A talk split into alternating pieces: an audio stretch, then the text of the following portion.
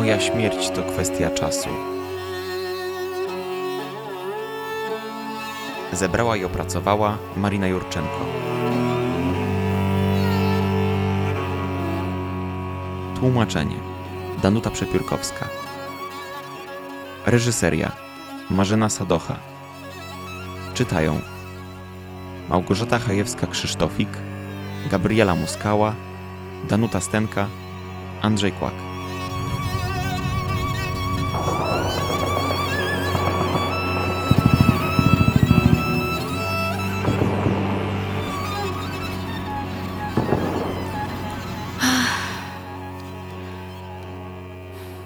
Nocy z 23 na 24 lutego zaczęli intensywnie strzelać. Spaliśmy. Pomyślałam, że nie ma w tym nic złego. Już byliśmy pod obstrzałem w latach 2014-15. Dla nas była to już codzienność, z wyjątkiem kilku lat przed rozpoczęciem wojny. Obudziły mnie wybuchy, a nie budzik. Moi rodzice bardzo się przestraszyli. Pamiętam, że y, pobiegłam do łazienki, bo poleciały pociski typu grad. Moja szefowa przez telefon podała mi instrukcję na dzień pracy, ale kazała wszystkim zostać w domu. Myśleliśmy, że to żart, że nic się nie dzieje. Byłam w pełni gotowa pojechać do pracy. Zadzwonili do nas krewni z zachodniej Ukrainy i ze łzami błagali, żebyśmy wyjeżdżali. Ale z tego co wiem, 24 lutego miasto było już zamknięte. Było znośnie, dopóki pociski nie poleciały bezpośrednio na Sartanę, miejscowość pod Mariupolem. Już zaczęły się przypadki bezpośredniego trafiania pocisków w domy mieszkalne. 24 lutego zadzwonił przyjaciel taty z informacją, że w ich dom uderzył pocisk i że cudem przeżyli.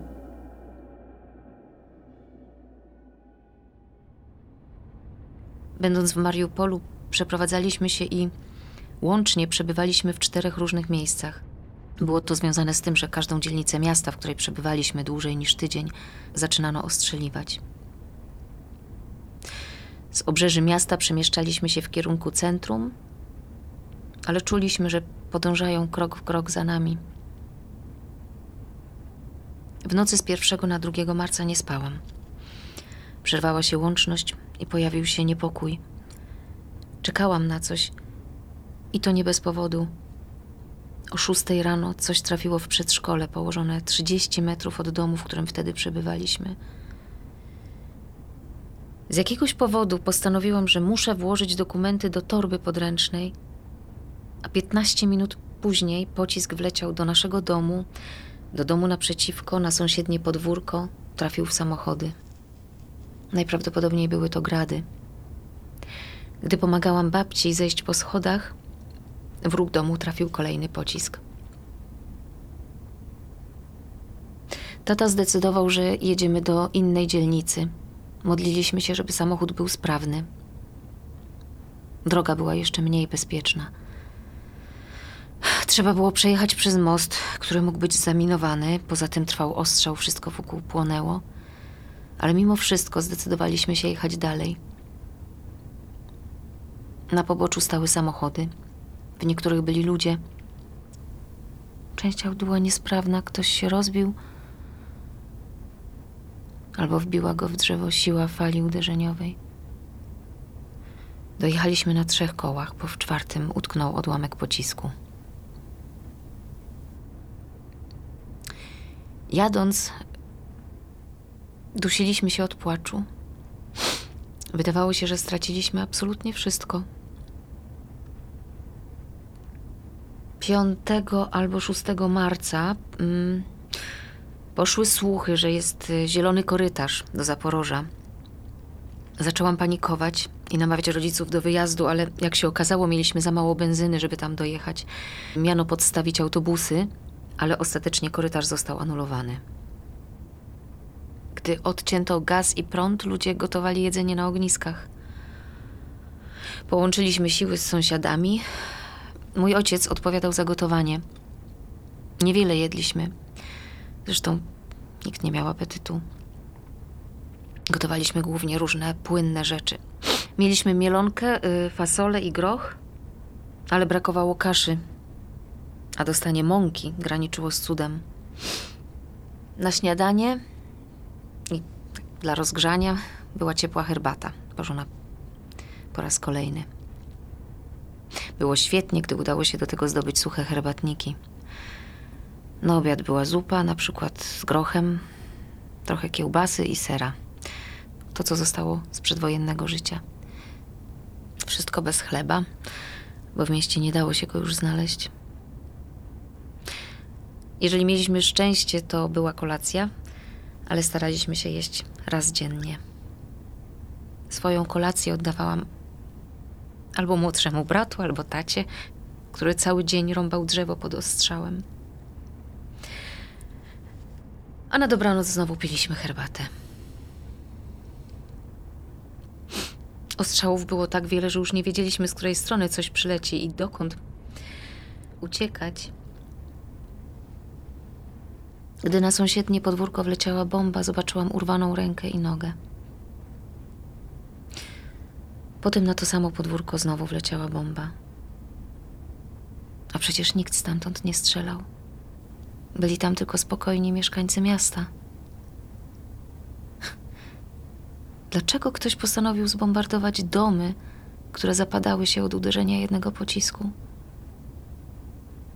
Czy oni są na tyle nierozgarnięci, że nie wiedzą, jak trafiać w bazy? Nie potrafią z powietrza odróżnić bazy wojskowej od budynku mieszkalnego? Jednopiętrowego czy parterowego? 15 marca zaczęła pojawiać się łączność. Ale żeby złapać zasięg, trzeba było pod ostrzałem wchodzić na dach domu. Tata zaryzykował. Dodzwonił się do swojego przyjaciela, który mu powiedział, że z Mariupola wyjeżdżają samochody. Nasza rodzina odbyła trudną rozmowę. Jechać było niebezpiecznie, ale zostać też nie było wcale bezpieczniej. Ostrzał był prowadzony we wszystkich dzielnicach miasta.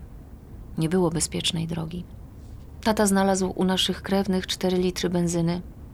My mieliśmy 2 litry, tata jeszcze gdzieś znalazł kolejne dwa.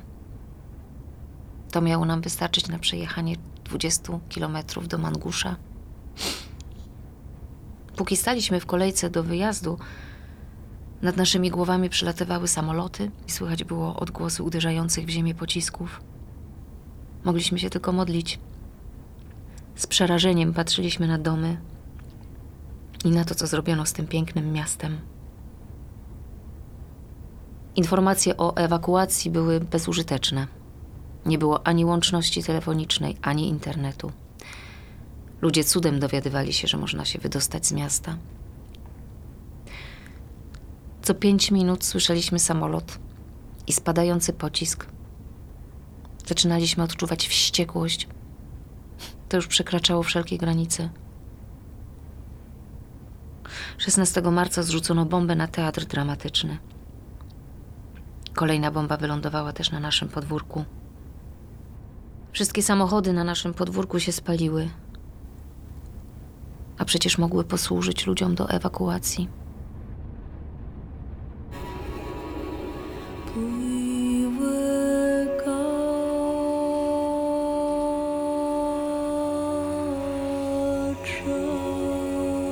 Ludzie wychodzili na dwór, żeby przygotować sobie coś do jedzenia.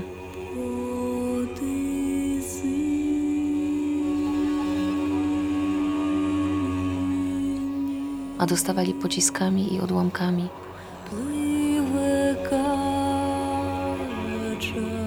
Chodzili na dwór, żeby przygotować sobie coś do jedzenia.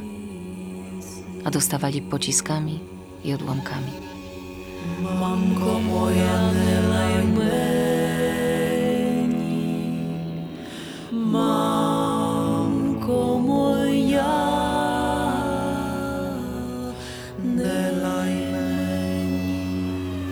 Wszystkie dni od 24 lutego wydawały się takie same. W jakimś stopniu spodziewałem się jakichś działań ze strony Rosji w obwodach donieckim i ługańskim, ale na pewno nie inwazji na pełną skalę. O piątej rano jechałem do pracy i zobaczyłem wpis prezydenta Stanów Zjednoczonych, że Federacja Rosyjska rozpoczyna atak na Ukrainę. Już około dziewiątej rano słychać było głośne wybuchy w pobliżu terenu huty imienia Ilicza. Pierwsze oświadczenie o inwazji Rosja wydała jeszcze 16 lutego. Ale 16 lutego na terenie portu w Mariupolu nie było już ani jednego statku, ani ukraińskiego, ani zagranicznego. 24 lutego o godzinie 14 z zakładów pracy zwolniono do domu wszystkich pracowników, z wyjątkiem osób pracujących przy procesach, których nie można było zatrzymać.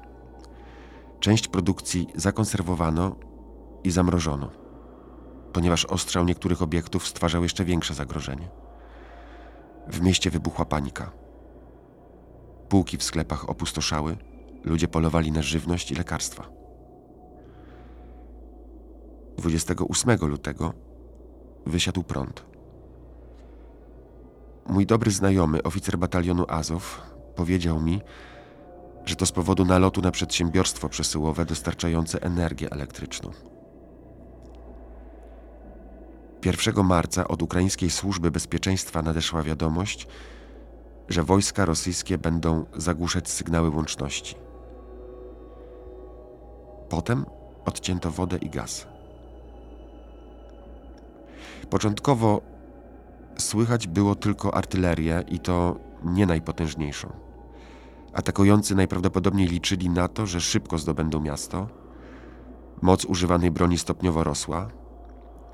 Gdy Rosjanie zorientowali się, że artylerią nie przebiją się przez linię obrony, usłyszeliśmy nad Mariupolem samoloty. Obrona przeciwlotnicza starała się zestrzeliwać te samoloty, ale mieliśmy wrażenie, że im więcej ich zestrzeliwano, tym więcej się ich pojawiało. Lotnictwo to siła, która może zniszczyć wszystko i nic się przed nim nie ochroni. Bomba lotnicza waży około 500 kg, a powstały po niej krater ma co najmniej 4 metry głębokości. Jaka piwnica nas przed tym uratuje? Mój dobry znajomy z pułku Azow mówił, że rosyjscy żołnierze są zdemoralizowani, że nie są nastawieni na wojnę, nie wiedzą co mają robić, gubią się w mieście i boją się tu wchodzić. Z kolei lotnictwo nie musi się orientować w topografii miasta, po prostu chaotycznie zrzuca bomby i rakiety. To była taktyka spalonej ziemi. Prezydent Federacji Rosyjskiej ma tylko jedną taktykę. Wszystko to już było i w Czeczenii, i w Syrii. Na ruinach walczyć jest łatwiej niż na rogatkach broniącego się miasta.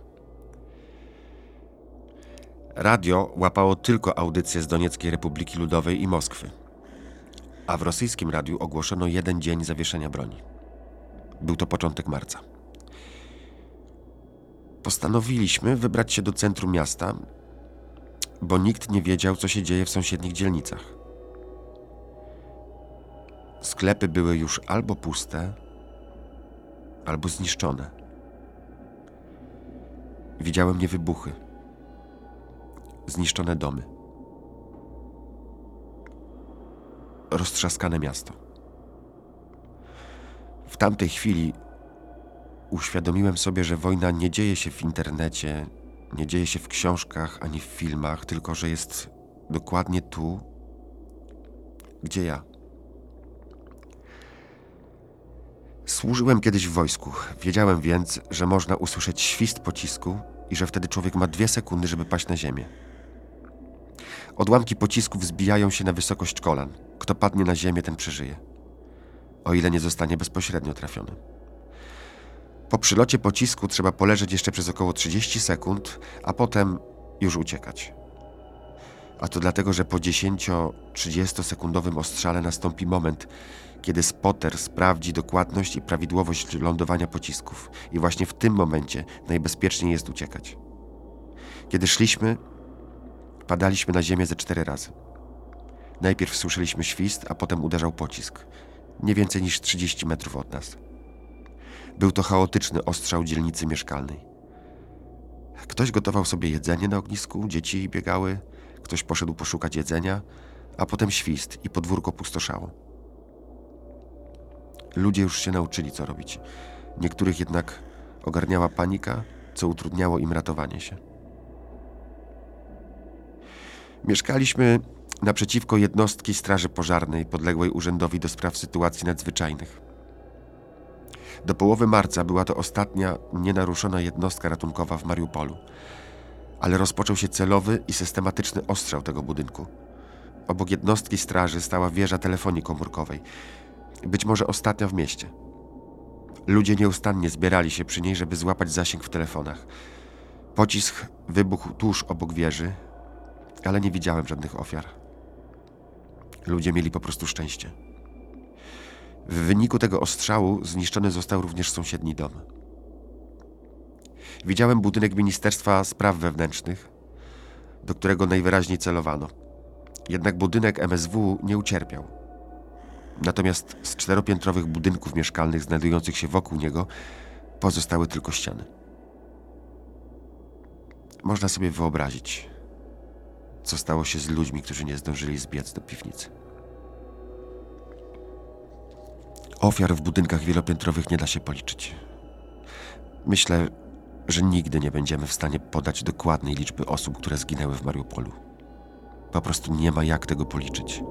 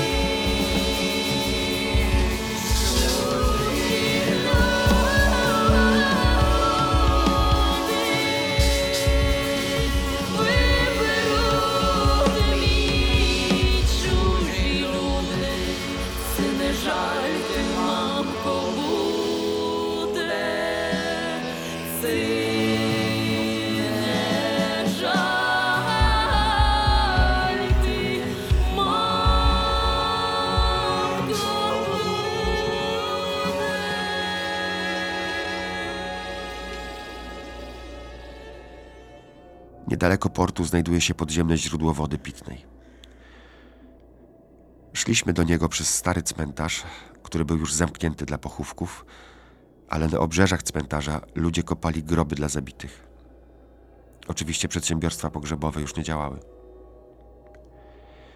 Kiedy dotarły do mnie pogłoski o korytarzu humanitarnym, to orientując się trochę w polityce i sztuce prowadzenia wojen, zorientowałem się, że Mariupol jest ogniskiem działań wojennych, w którym nastąpiła katastrofa humanitarna. Więc władze ukraińskie starają się ratować mieszkańców. Cudem złapałem internet, dzięki czemu dowiedziałem się, że korytarz zostanie otwarty o 10 rano. Cały ucieszony pobiegłem na swoją ulicę, żeby opowiedzieć o tym sąsiadom. Wyjaśniłem im, że albo próbujemy wyjechać, albo zostajemy umierać. Głównym argumentem był sąsiedni dom, który został zrównany z ziemią. Moi sąsiedzi uwierzyli mi, a im z kolei uwierzyli ich sąsiedzi. W ten sposób na własne ryzyko zostałem inicjatorem wyjazdu 10 samochodów. Wyjechała praktycznie cała ulica. Wydostanie się stamtąd żywym to już jest osiągnięcie.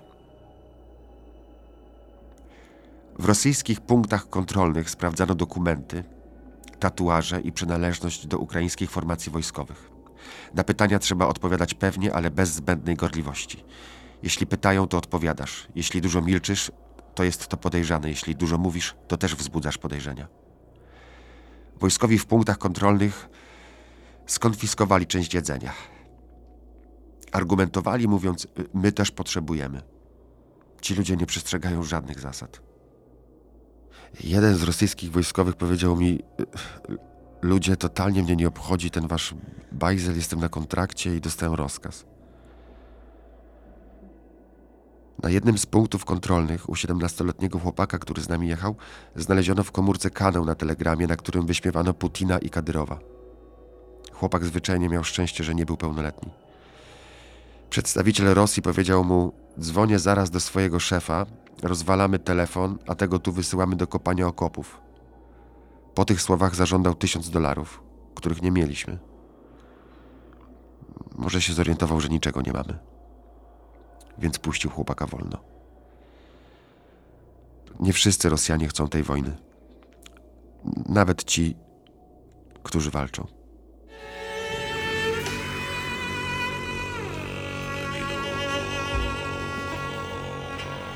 Wyjechałam 16 marca, w dniu, w którym na teatr dramatyczny spadła bomba. Jeśli do tego momentu były jeszcze nadzieje, że zaraz wszystko się skończy, to po tym zdarzeniu zdałam sobie sprawę, że moja śmierć jest tylko kwestią czasu. Obudziłam się i zobaczyłam wiadomości na pracowniczym czacie. Bombardują nas. Co się dzieje? Czy wszyscy żyją? Co mamy teraz robić? Zrozumiałam, że zaczęła się wojna i do pracy już nie poszliśmy. Moja babcia nie chodzi i ma demencję, starcze otępienie. A w dodatku panikuje. Poszłam do niej, przyniosłam trochę jedzenia i zaczęłam opowiadać, że nie jest tak jak mówią, że nie jest aż tak strasznie. Oszukiwałam ją w ten sposób. Nie zdawałam sobie sprawy i nie przypuszczałam, że przecież tak właśnie będzie.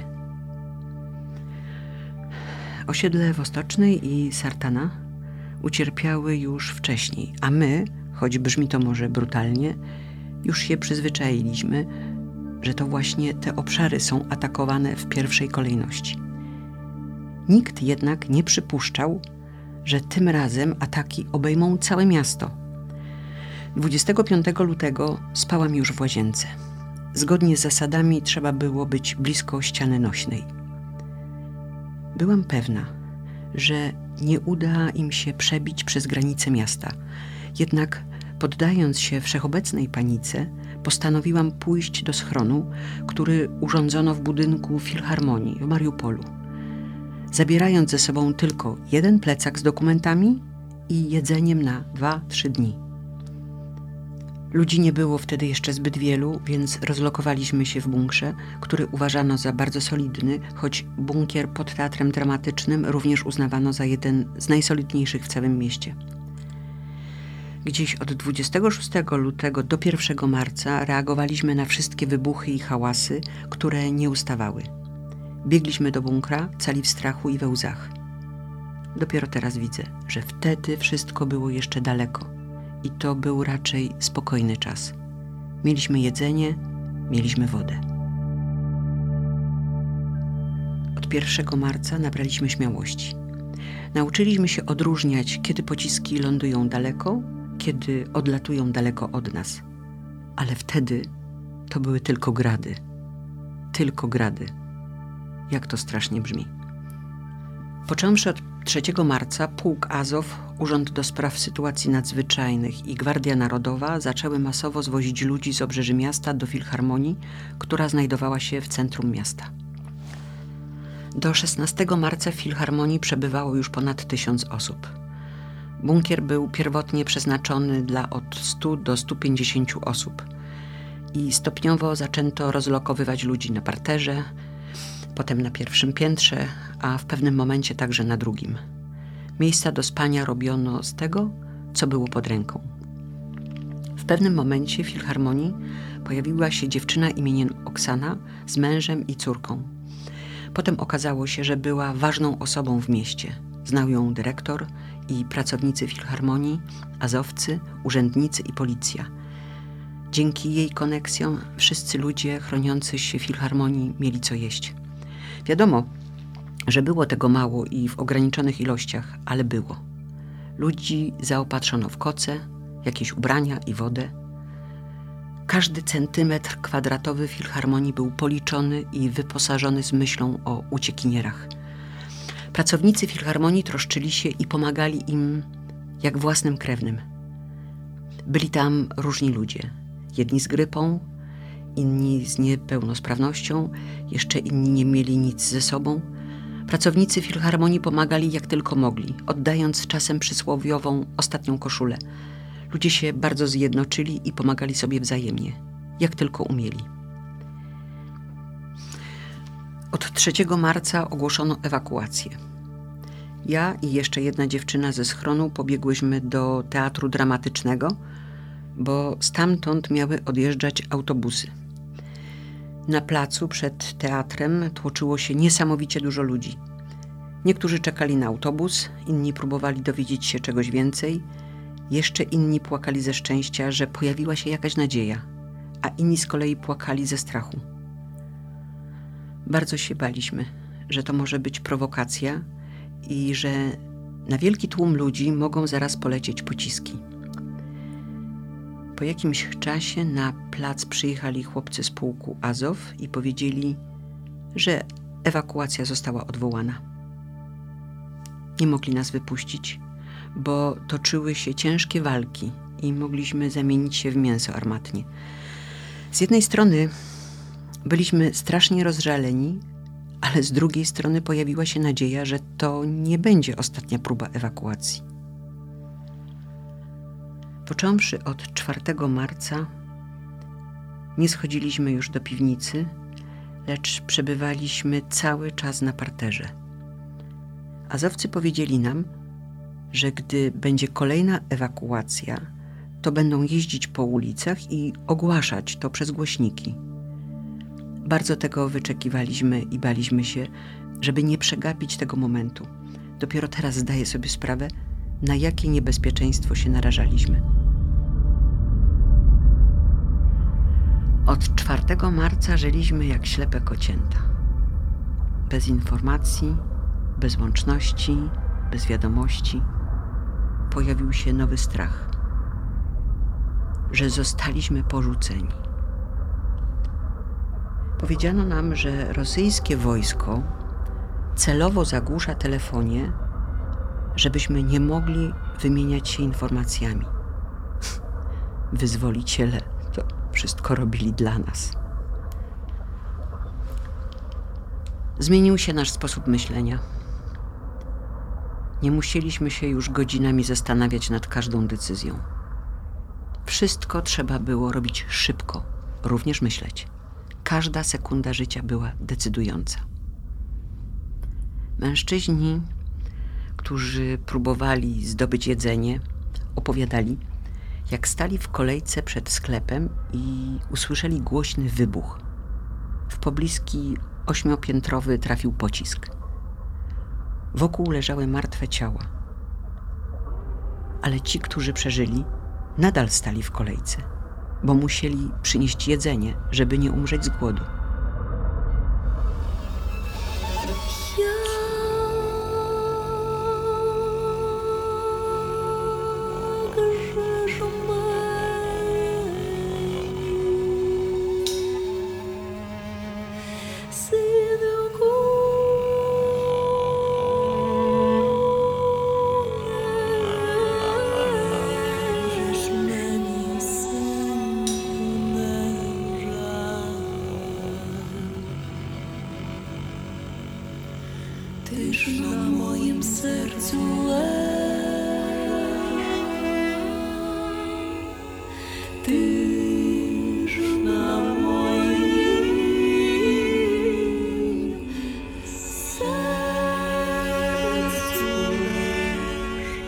Największym problemem było wyżywienie i pieluchy dla niemowląt.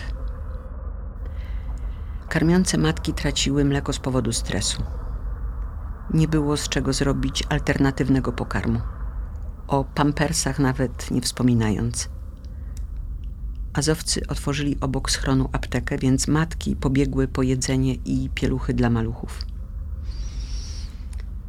7 marca było podejrzanie cicho. Prawie nie było słychać wybuchów, a na zewnątrz było więcej ludzi. Z jedną dziewczyną postanowiłyśmy nawet pójść do niej do domu, który był niedaleko filharmonii. Zabrałyśmy pozostawione w mieszkaniu rzeczy do jedzenia. W Mariupolu nie było już wtedy wody, ale dziewczyna miała na balkonie trochę wody z roztopionego lodu.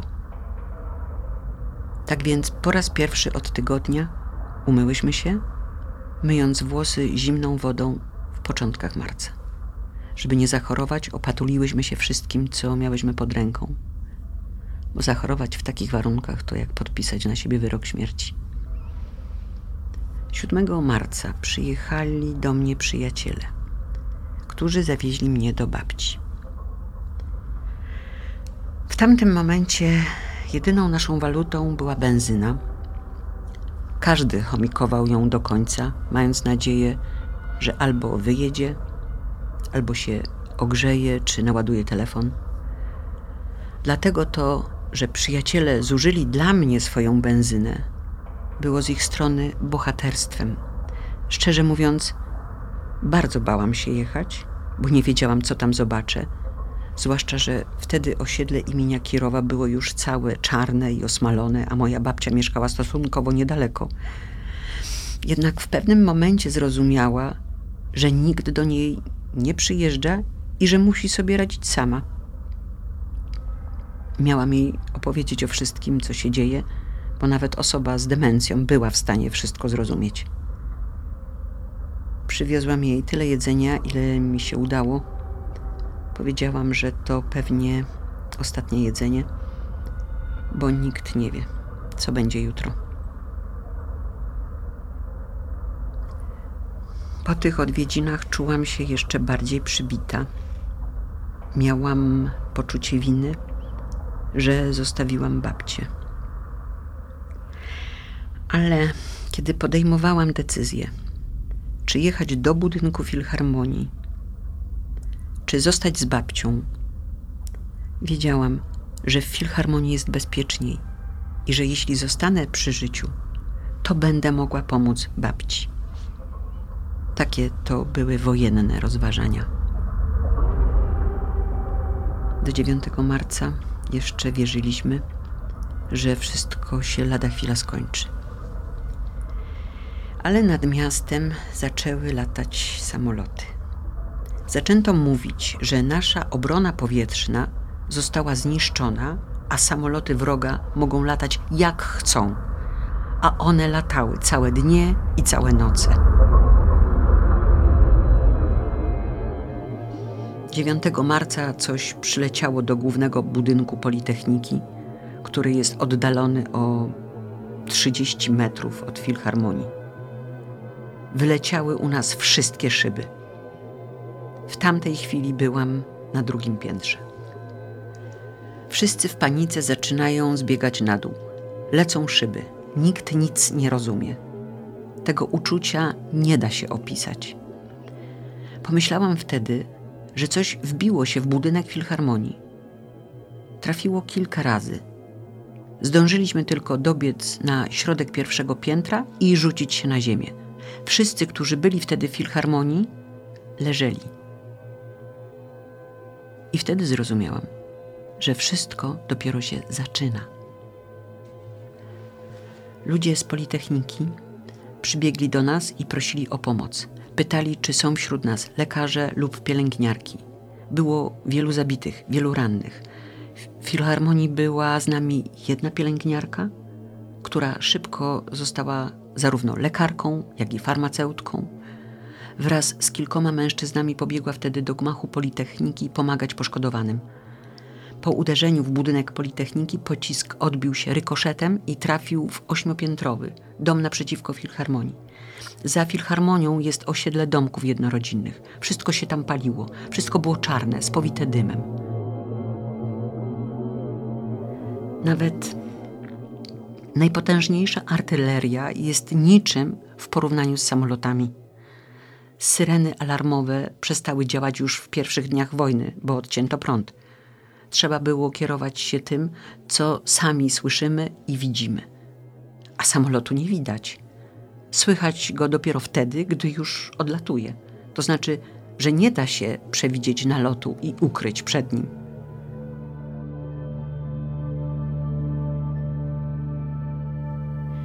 Między 10 a 14 marca wszyscy już się spodziewali, że prędzej czy później pocisk trafi też w budynek filharmonii. W tym czasie nie było już jednak sensu zmieniać schronu. Całe miasto było ostrzeliwane i po prostu żadne miejsce nie było bezpieczne. Urwały się dostawy pomocy. Zaczęło nam brakować jedzenia i wody. Ludzie nieustannie miotali się między paniką a strachem. Teraz wiem, że do Mariupola próbowały przedrzeć się ciężarówki Czerwonego Krzyża i czekały też w gotowości autobusy, żeby ewakuować ludzi do Zaporoża. Ale niczego nie przepuszczano. Wszystko ostrzeliwano. Nie dano możliwości, żeby udzielić ludziom pomocy. Obok nas znajdował się budynek OBWE i można tam było jakoś ładować telefony i czasami łapało się zasięg, choć trzeba było w tym celu wejść na dach. Dzięki temu 14 marca dowiedzieliśmy się, że z Mariupola wyjechało 170 samochodów. Nie było jednak żadnej oficjalnej informacji.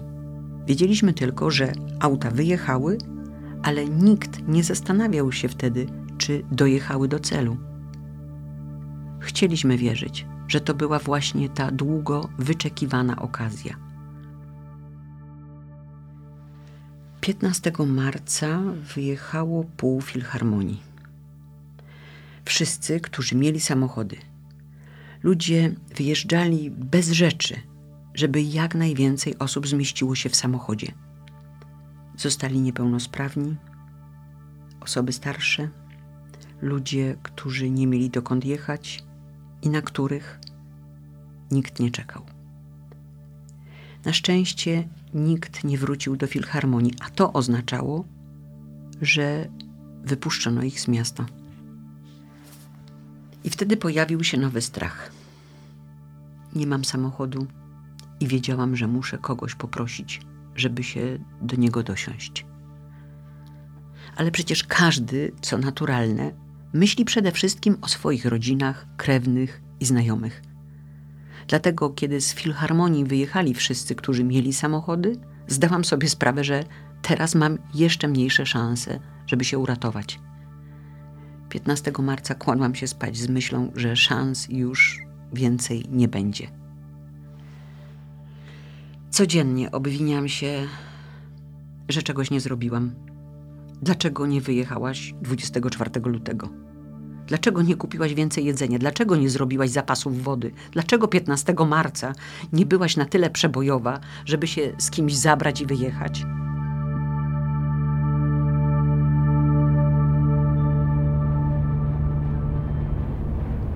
Gotowaniem zajmowali się zawsze mężczyźni, bo ciągle coś wybuchało, przelatywało nad nami. Zamieszali kaszę, wbiegli do budynku, żeby przeczekać ostrzał, a potem znowu wybiegali, żeby zamieszać kaszę.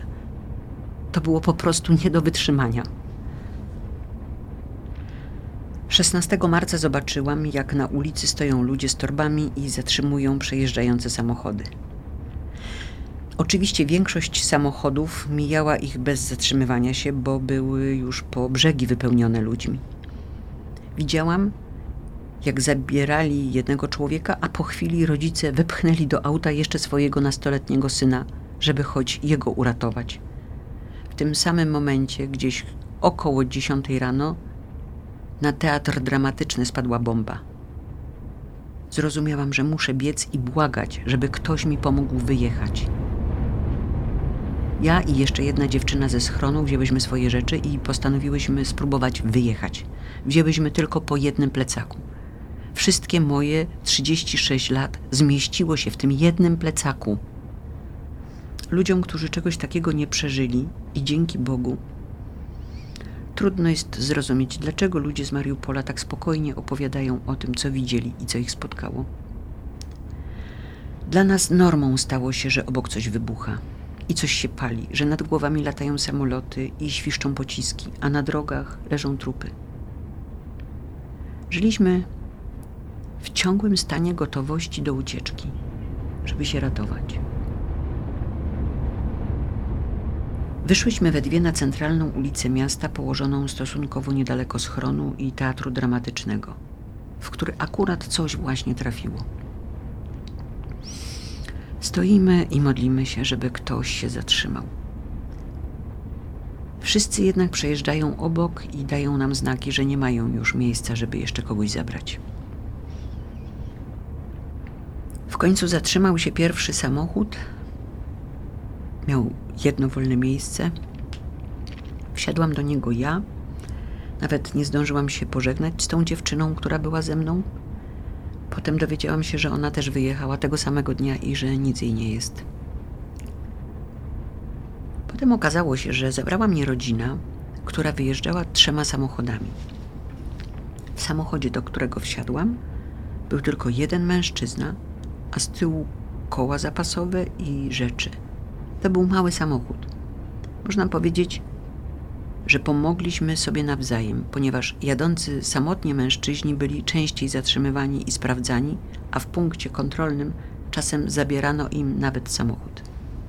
Z Mariupola wyjechaliśmy około godziny 11 przed południem, a do Mangusza dotarliśmy o 18. Czasach pokoju podróż ta zajmowała około 30 minut autem. Na drodze wylotowej z miasta był niesamowity korek. Staliśmy i słyszeliśmy odgłosy wybuchów. Baliśmy się, że będziemy musieli spędzić noc w polu, bo nie wiadomo, czy zdążymy przed godziną policyjną. W punkcie kontrolnym sprawdzano nas, ale nie tak dokładnie, jak robią to teraz. Rodzina, która mnie wywiozła, została u znajomych w Manguszu. Nie zostawili mnie na ulicy. Wpuścili, żebym mogła zanocować. Dzień później wszyscy razem pojechaliśmy do Zaporoża. Trasa ciągle się zmieniała. Gdzieś zaminowano drogę, gdzieś toczyły się walki, gdzieś drogę zablokowano z powodu zniszczeń. Podróżowaliśmy samodzielnie, a nie w kolumnie samochodów, a taka sytuacja potęgowała niebezpieczeństwo. Dopiero na godzinę przed wjazdem do Zaporoża udało nam się dołączyć do kolumny aut. Zdaję sobie sprawę, że miałam szczęście, bo byłam sama. Z rzeczy miałam tylko plecak. W przypadku rodzin z dużym bagażem, które starały się do kogoś dosiąść, było to zadanie nie do wykonania. Bolesnym tematem pozostaje dla mnie to, że w zasadzie porzuciłam w Mariupolu kota. Ale kiedy na Twoich oczach umierają ludzie, życie zwierząt odchodzi na plan dalszy. To, że udało mi się uciec z tego horroru i domu wariatów, to cud.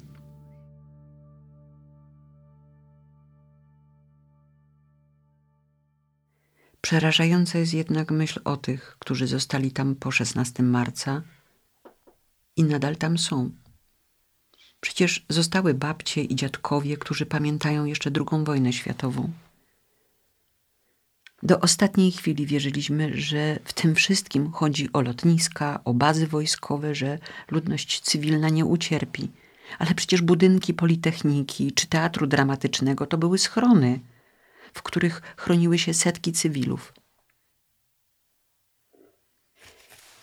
Teraz modlę się po prostu o to, żeby się to wszystko skończyło. Naszego miasta już nie ma. Kto niby nas wyzwala? Kto was prosił, żeby nas wyzwalać?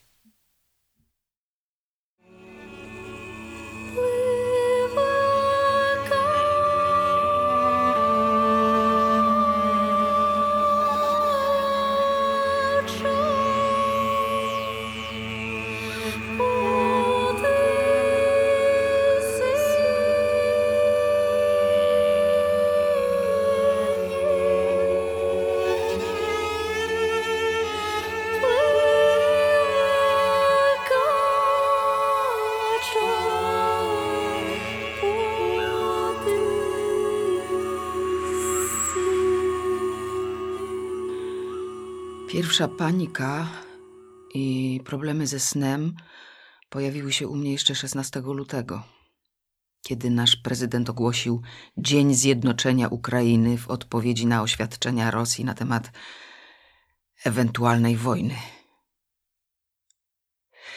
24 lutego o godzinie 6 rano obudził mnie telefon od przyjaciółki, która powiedziała – Bombardują nas. Zaczęła się wojna.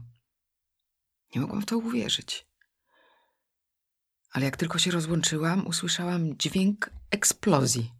Szyby zaczęły drgać, zaczęły mi się trząść ręce. Poczułam się jak w nierealnym świecie. Ktoś szedł ulicą z walizką, ktoś z wodą. Przyjaciółka poradziła mi, że też powinnam zaopatrzyć się przynajmniej w wodę, co wiązało się z koniecznością stania w długiej kolejce. Już 24 lutego w sklepach zaczynało brakować żywności. Była panika. Ja na pewno panikowałam. Po odbiciu Mariupola w 2014 roku nikt nawet nie myślał, że coś takiego może się zacząć. Ludzie żyli swoimi marzeniami i celami nie wyobrażali sobie nawet, że Rosja, kraj agresor, wypowie wojnę i dokona ludobójstwa. Z przyjaciółką rozmawiałyśmy przez telefon o wiadomościach na temat Kijowa, Charkowa. Serce mi pękało. Zapytałam ją, jak myślisz, jak długo to potrwa? A ona na to, myślę, że niedługo. Podobno ostrzeliwują wszystkie bazy wojskowe. Nie przypuszczałyśmy w ogóle, że będą zrzucać bomby i niszczyć budynki mieszkalne. Jak w ogóle może się pomieścić w głowie, że w 2022 roku ludzie będą z rozmysłem zabijać innych ludzi?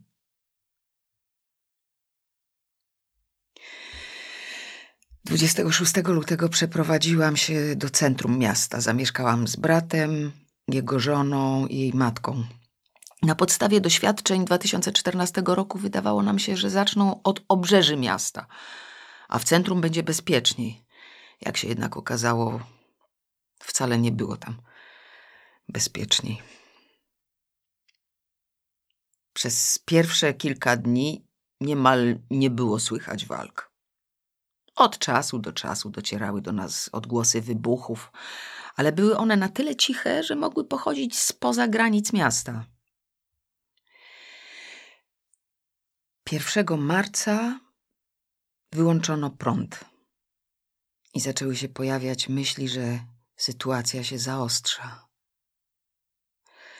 2 marca odcięto łączność. Trudno nam było żyć bez wiadomości i bez możliwości dowiadywania się, co się dzieje w Ukrainie. Byliśmy jak pod szklanym kloszem.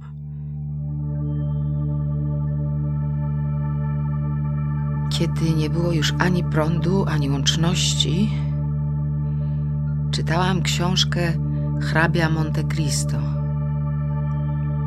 i nawet wypisałam sobie cytat. W polityce nie ma uczuć, są idee. W polityce nie zabija się człowieka, lecz usuwa przeszkodę. Ta książka pomagała mi zapomnieć o tym, co działo się wokół.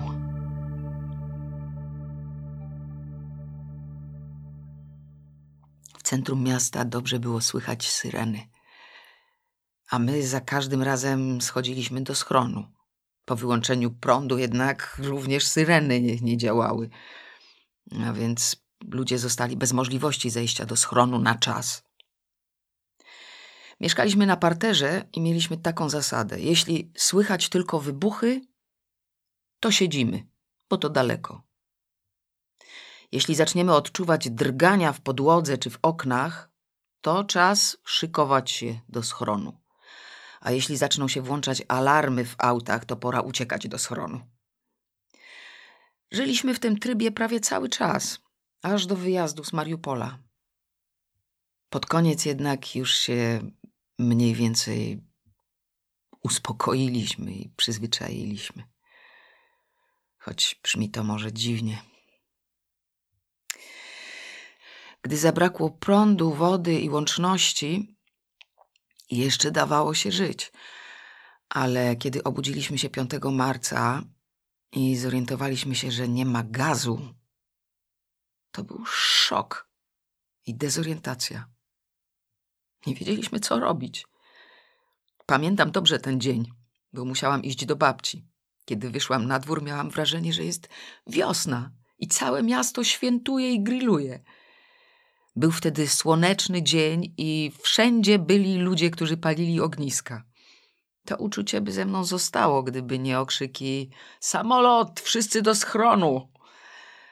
Zanim dotarłam do babci, musiałam pięć razy wbiegać razem z innymi ludźmi do klatek schodowych, żeby być bliżej schronu. Od tej pory zawsze nocowaliśmy w schronie. Także dlatego, że po prostu był. O ile się nie mylę, samoloty zaczęły latać tego samego dnia, kiedy odcięto gaz. Samoloty to coś strasznego. O ile artylerię można jeszcze jakoś przeżyć emocjonalnie i fizycznie, to gdy leci samolot, wpadasz w panikę, bo zdajesz sobie sprawę, że nic cię nie uratuje przed bombą ważącą 200 czy 500 kilogramów. Wcześniej jakoś żyłam, ale jak zaczęły latać samoloty, to się załamałam. Zorientowaliśmy się, że nad Mariupolem co dwie godziny latają dwa samoloty, w każdym po dwie bomby. Albo to był jeden samolot z czterema bombami. Zawsze były cztery wybuchy. Gdy tylko słyszeliśmy samolot, wszystko wokół cichło. I nastawała taka cisza, że słychać było tylko bicie serca i ryk samolotu. A ty stoisz, milczysz, modlisz się, by bomba nie spadła na twój dom i liczysz bomby, które na coś i na kogoś spadały. Liczysz do czterech. Słyszysz, jak samolot odlatuje. I oddychasz z ulgą, bo tym razem wyrok na ciebie został odroczony. Gdy słyszysz salwy gradów, oddychasz z ulgą, bo zdajesz sobie sprawę, że to nie samolot. Jak można się cieszyć, że słyszy się dźwięk artylerii, a nie bomb lotniczych. Jedyne wojenne dźwięki, które mnie cieszyły, to nocne strzały z karabinów maszynowych. Te dźwięki oznaczały, że likwidowani są dywersanci.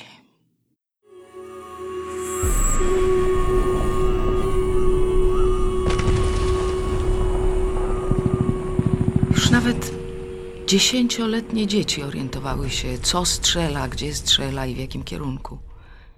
Dzieci wiedziały, że jak słychać świst, to trzeba się położyć i powiedzieć dziękuję, bo świst oznacza, że pocisk już przeleciał.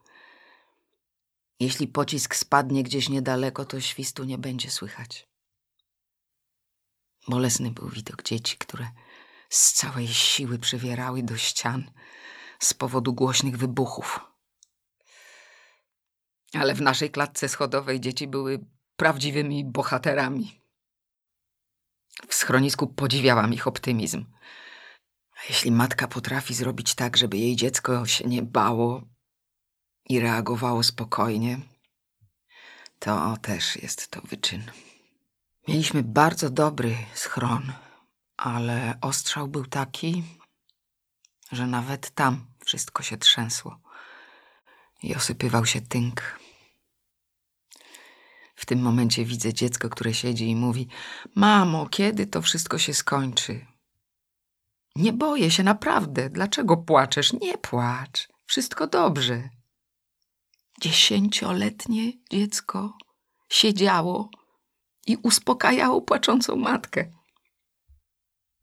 Bo gdyby coś się stało, to po prostu nie mogłaby uratować swojego dziecka. Bycie matką w takiej sytuacji to bohaterstwo.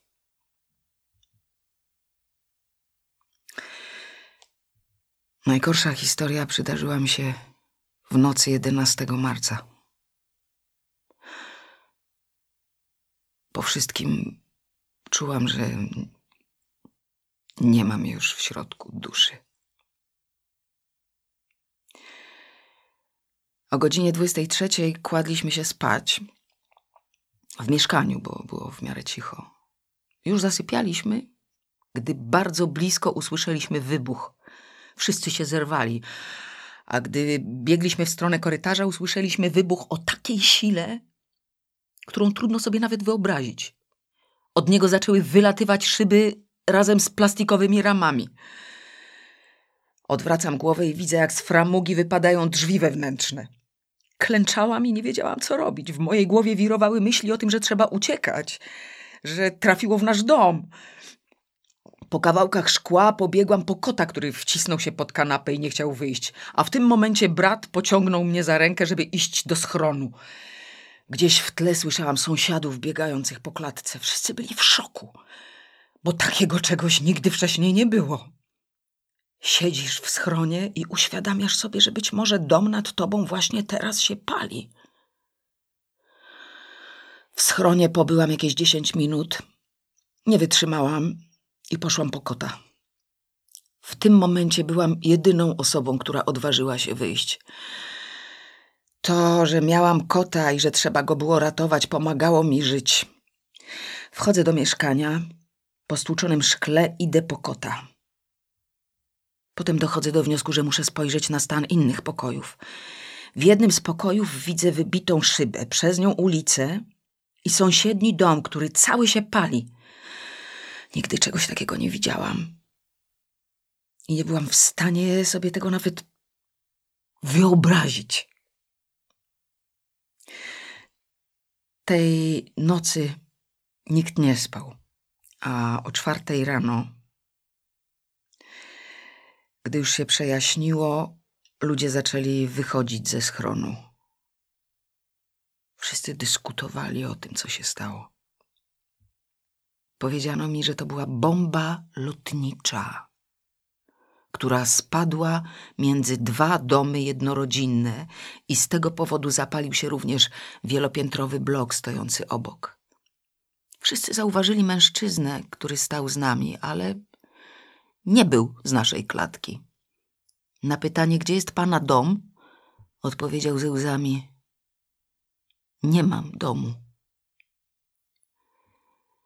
Całą noc próbował sam rozgrzebywać płonące jeszcze gruzy, żeby odnaleźć swoją rodzinę. W momencie nalotu on sam wyszedł na dwór, a jego rodzina została w schronie spalonego domu. Mężczyzna płakał i powtarzał: Tam jest moja żona, tam są moje dzieci. Ludzie próbowali choć trochę ugasić ogień, ale był na tyle silny, że zgasł dopiero w dzień koło południa. To znaczy, że dom płonął przez 12-13 godzin. Później zaczęto usuwać gruz, ale mężczyzna nie odnalazł ani żony, ani dzieci. Chciał ich znaleźć choćby martwych, żeby ich pochować. Nigdy więcej nie widziałam tego mężczyzny. Sąsiedzi mówili, że nie wytrzymał. I rzucił się z sąsiedniego ośmiopiętrowego bloku.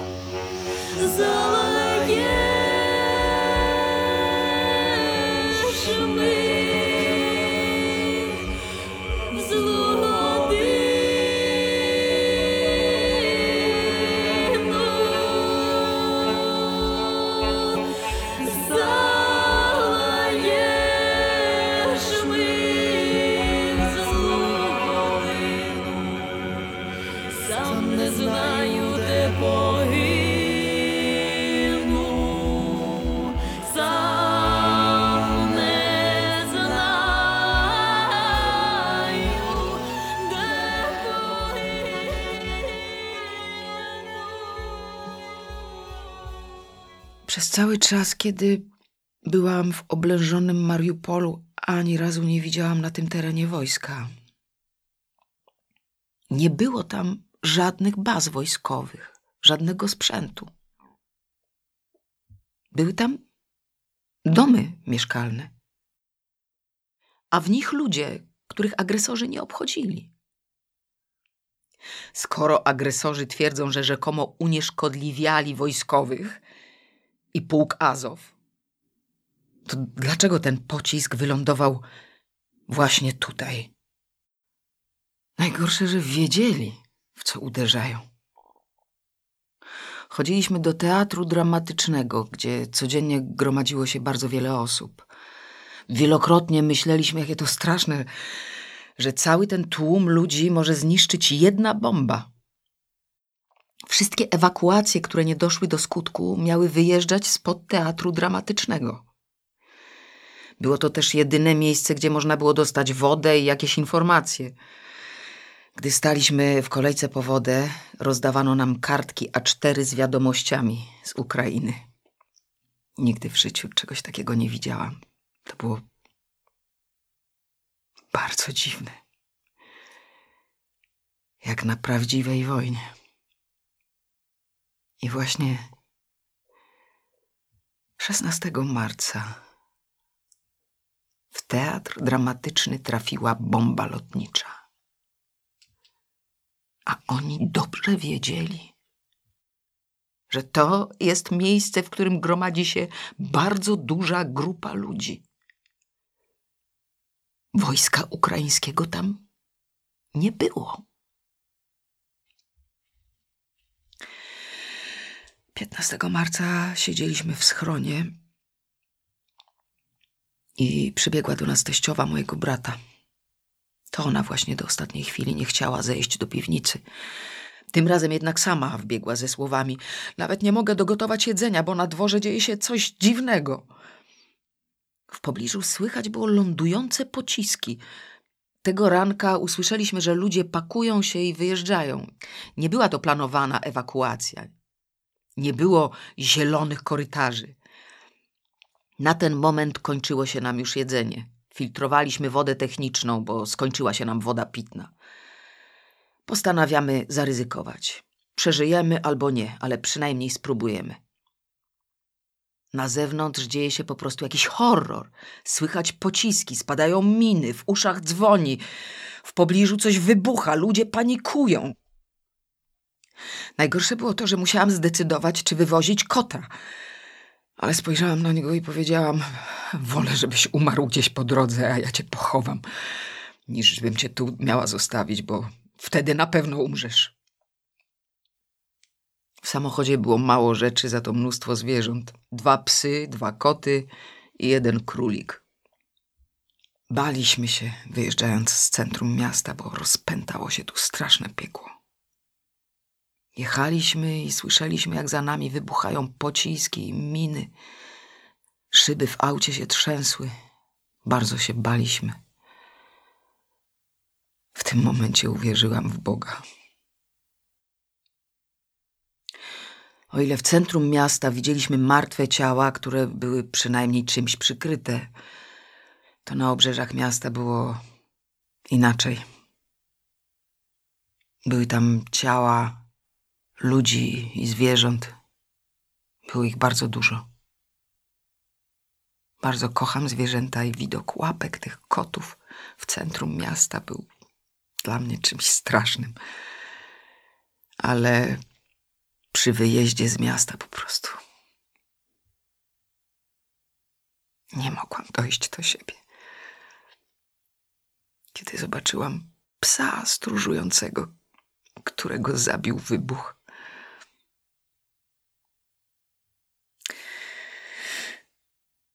Teraz musieliśmy stać w ogromnej kolumnie aut czekających na wyjazd z miasta.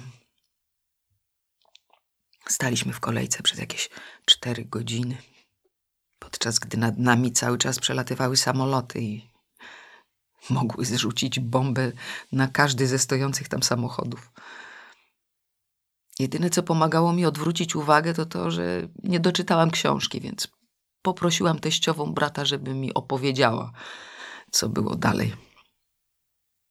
Nie mogliśmy już dłużej pozostawać w Mariupolu, gdzie ludzie mimo temperatur poniżej zera i braku ogrzewania, cieszyli się ze śniegu, bo teraz będą mieli przynajmniej trochę wody i nieważne, czy będzie to woda pitna czy techniczna. W tym momencie woda ze śniegu nie była już dla nas wodą techniczną. Dlatego, że gotowaliśmy ją, jakoś przefiltrowywaliśmy i piliśmy. Podczas naszej 80-kilometrowej trasy do Berdiańska przejechaliśmy przez 19 punktów kontrolnych Donieckiej Republiki Ludowej i jeden punkt rosyjski. To było bardzo dziwne uczucie. Stoisz w punkcie kontrolnym i podchodzi do ciebie przedstawiciel tej republiki, a ma jakieś 18 lat. Może nawet nie do końca wie o wszystkim, co się dzieje, ale stoi na twojej ziemi i zabija twoich. Nienawidzisz go, ale uśmiechasz się, bo podejrzane zachowanie może się dla ciebie źle skończyć. Najgorsze było wtedy, gdy zaglądali do auta i mówili: O, macie tu kobiety, co za koszmar. Współczujemy, że tyle przeszłyście. Nie martwcie się, teraz wszystko będzie dobrze. I dają nam konserwy w puszkach produkcji ukraińskiej. Ci bohaterowie rozdawali nam tę samą pomoc humanitarną, którą zrabowali, gdy jechała do nas do Mariupola. Podają ją i uśmiechają się, mówiąc: Proszę, proszę, wam nie żałujemy. Byleby tylko wszystko było u was dobrze. Przeżyłyście taki koszmar. A o tym, że to oni sami urządzili ten koszmar? Jakoś milczeli. Moja koleżanka, która podróżowała tego samego dnia, mówiła, że w punkcie kontrolnym jeden samochód zawrócono i ostrzelano. Wyciągnięto z niego zakrwawione kobiety i dziecko. Dziecku przestrzelono policzek czy szyję i zostawiono je w punkcie kontrolnym, nie pozwalając nikomu na udzielenie pomocy. Najprawdopodobniej kierowca zachował się nie tak jak trzeba, więc zawrócili samochód i na oczach całego tłumu go ostrzelali. Mogli cię zabić za niewłaściwy ruch lub krzywe spojrzenie. To są bestie, mordercy, kaci, dewianci, maniacy. To ludzie, którzy moim zdaniem nie są godni zwykłej śmierci. Kiedy dojechaliśmy już do Berdiańska, widziałam, jak rosyjscy żołnierze całą grupą bili jednego chłopaka w cywilu, który miał około 18-19 lat. Nie niósł ukraińskiej flagi ani plakatu. Najprawdopodobniej po prostu nie spodobał się tym potworom. Mojego chłopaka bili w punkcie kontrolnym przez sześć godzin. Powiedział mi o tym dopiero wtedy, gdy był już w pełni bezpieczny z cudzego telefonu i numeru. W punkcie kontrolnym przed wjazdem do Berdiańska zaczęli sprawdzać jego telefon. Nie było tam nic takiego, co mogłoby wzbudzić jakieś podejrzenia. Poza jedną wiadomością, którą wysłał do siostry.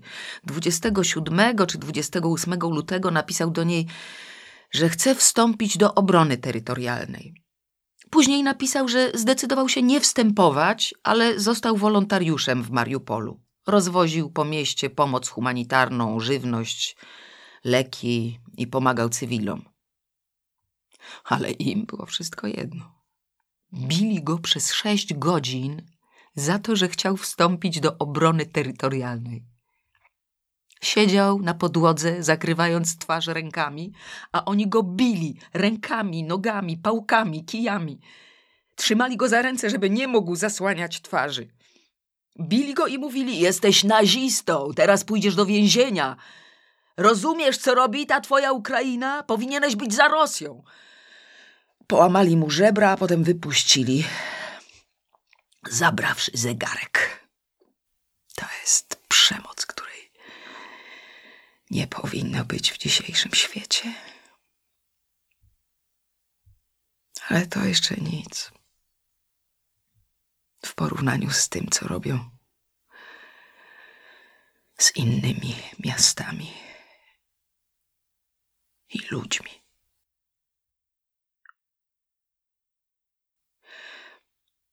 Jestem teraz całkowicie zdruzgotana tym, co zrobiono z miastem, które kochałam, z ludźmi, których kochałam. 24 lutego zmienił życie milionów ludzi. Jeśli miałabym opisać wydarzenia w Mariupolu jednym słowem, to powiedziałabym piekło. Chociaż w sumie nie wiem. Może nawet w piekle jest lepiej niż w Mariupolu.